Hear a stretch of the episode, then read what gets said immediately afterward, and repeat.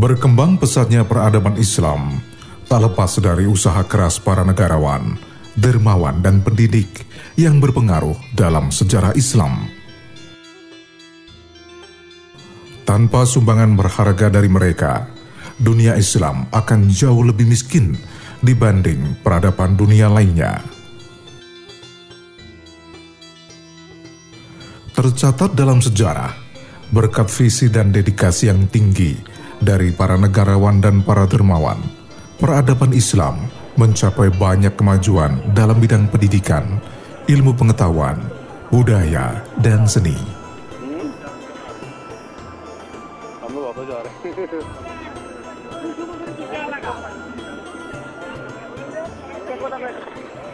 Sejarah Islam mencatat dengan tinta emas Nizam al-Mulk, seorang negarawan dan pendidik muslim yang memainkan peran sangat besar dalam kebangkitan dan pengembangan sistem pendidikan kelas dunia.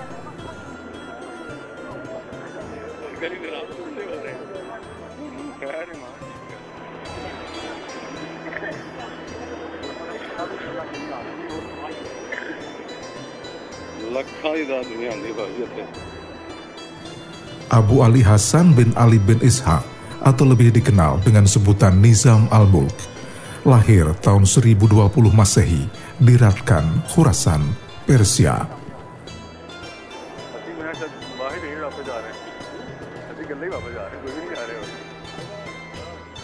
Kecintaannya pada pengetahuan dan hasratnya yang sangat tinggi dalam memberantas buta huruf di seluruh wilayah kerajaan menyebabkan ia memunculkan budaya belajar bagi masyarakat muslim di seluruh dunia. और इंग्लिश में मजदर किसी भी वर्ब से पहले टू का इस्तेमाल Semasa kecil, Nizam al-Mulk belajar bahasa Arab, tata bahasa, dan fikih. Setelah menyelesaikan pendidikan dasar, ia melanjutkan pendidikan sastra Arab dan Persia, matematika, serta ilmu Islam tradisional di bawah bimbingan ulama terkemuka Syekh Hibatullah Al-Muafak.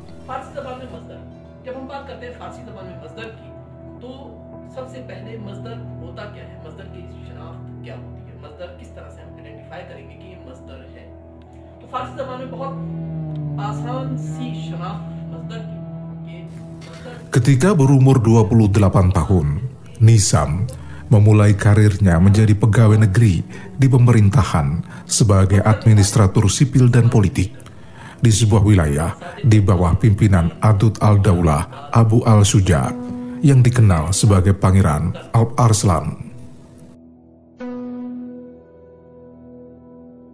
Kinerjanya dipercaya sangat efisien dan efektif. Ketajaman intelektual yang dimiliki juga membuatnya menjadi lebih unggul dibanding teman sejawatnya. Pangeran Alp Arslan akhirnya terkesan dengan keterampilan administratif serta kemampuan politiknya yang matang.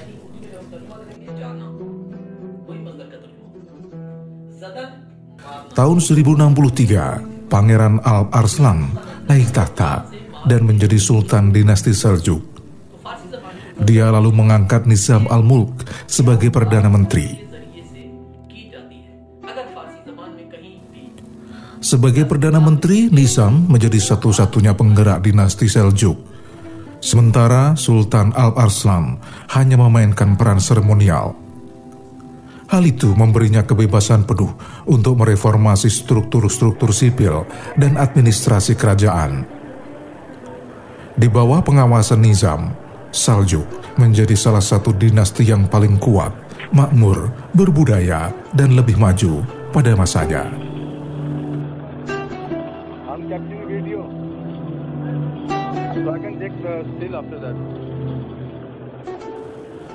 Beberapa kebijakan Nizam al-Mulk dalam pemerintahan Bani Saljuk antara lain menghapus pajak yang tidak dikenai sanksi syariat, memprakarsai perluasan Masjidil Haram di Mekah, serta meningkatkan fasilitas perlengkapan bagi para jamaah haji.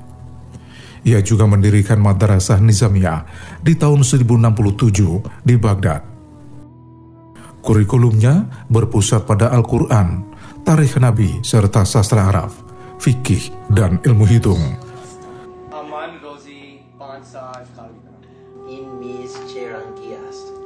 عده داریم دانشجوها که اینا مثلا ادبیات آلمانی میخونن Nizam al-Mulk bahkan mengembangkan madrasah ke berbagai penjuru kota seperti di Mosul, Basra, Tibristan, dan Balkan.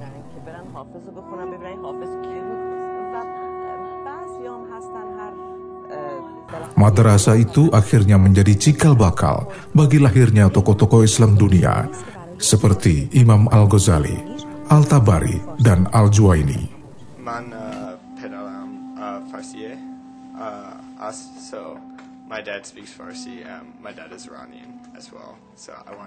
Sebagai politisi yang bijak, Nizam Al-Mulk mempromosikan pembelajaran dan pendidikan di seluruh wilayah kerajaan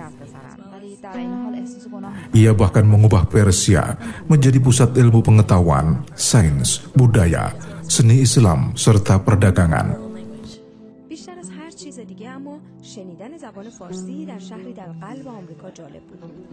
Karena kebenciannya pada buta huruf, ia menawarkan pendidikan gratis di seluruh warga. Ia juga mendorong warga untuk mengenyam pendidikan yang lebih tinggi serta melakukan penelitian dan memperluas cakrawala intelektualnya. Untuk mendukung kebijakan itu, Nizam Al-Mulk juga mendirikan lembaga pendidikan di seluruh wilayah kekuasaan dinasti Seljuk, termasuk Nishapur, Baghdad, dan Damaskus.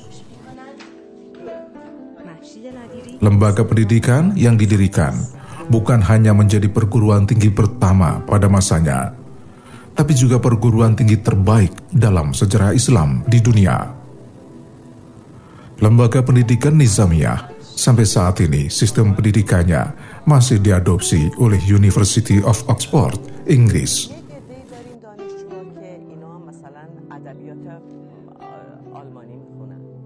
Nizam al-Mulk mengeluarkan biaya besar dari anggaran tahunan kerajaan demi kepentingan dan kemajuan pendidikan. Pemerintah saat itu menyediakan beasiswa dan memberi mereka fasilitas asrama, serta memberi uang belanja secukupnya. Nisam juga mendirikan madrasah Nisamiyah di hampir seluruh wilayah dinasti Saljuk dan membangun perpustakaan dengan kapasitas 6.000 jilid buku lengkap dengan katalognya.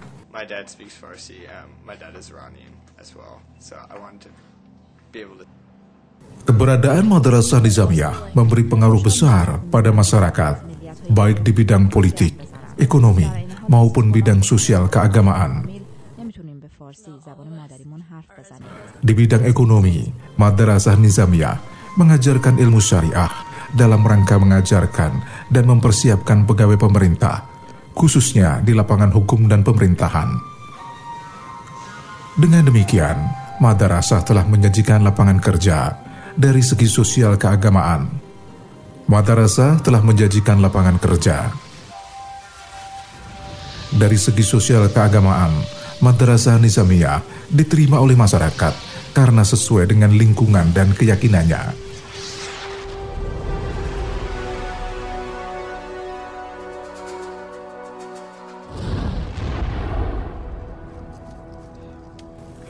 Nizam al-Mulk wafat di Sihna tahun 1092 karena dibunuh kelompok Hayasin.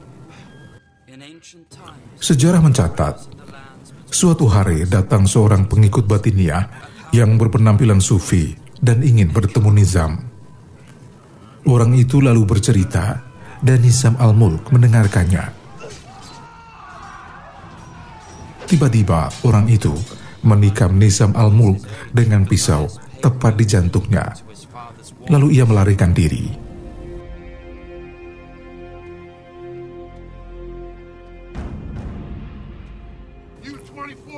Saat itu juga Nizam Almu wafat dalam keadaan menjalankan puasa Ramadan. Satu kata terakhir yang terucap dari mulut Nizam adalah, Jangan kalian bunuh orang yang membunuhku. karena aku telah memaafkannya. Tiada Tuhan selain Allah, dan aku bersaksi Muhammad adalah utusan Allah.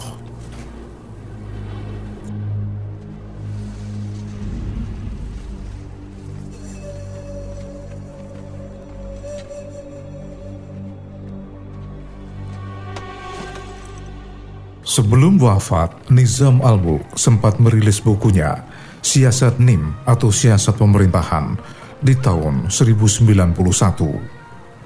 Dalam buku itu termuat tugas pemerintahan dalam menjaga stabilitas kerajaan serta menjaga keutuhan masyarakat dari pecah belah.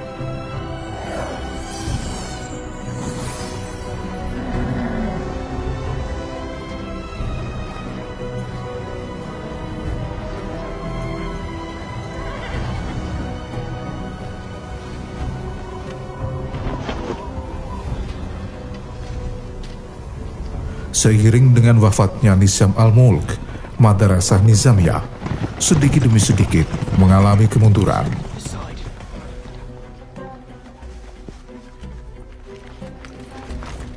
Madrasah yang sistem pendidikan dan organisasinya ditiru di Eropa itu berjaya sampai akhir abad ke-14.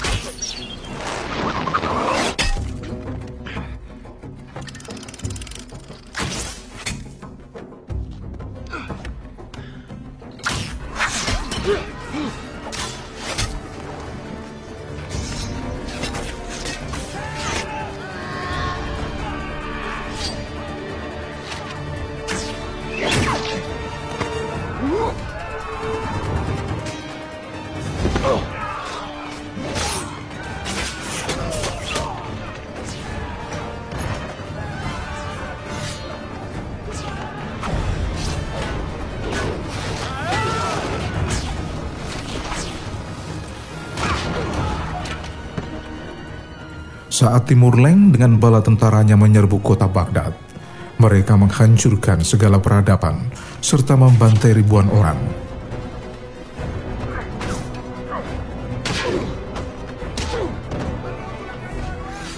Puluhan ribu kitab karya para ilmuwan muslim, bangunan, karya seni, budaya, dan bahkan peradaban di Baghdad hancur lebur di tahun 1393 Masehi.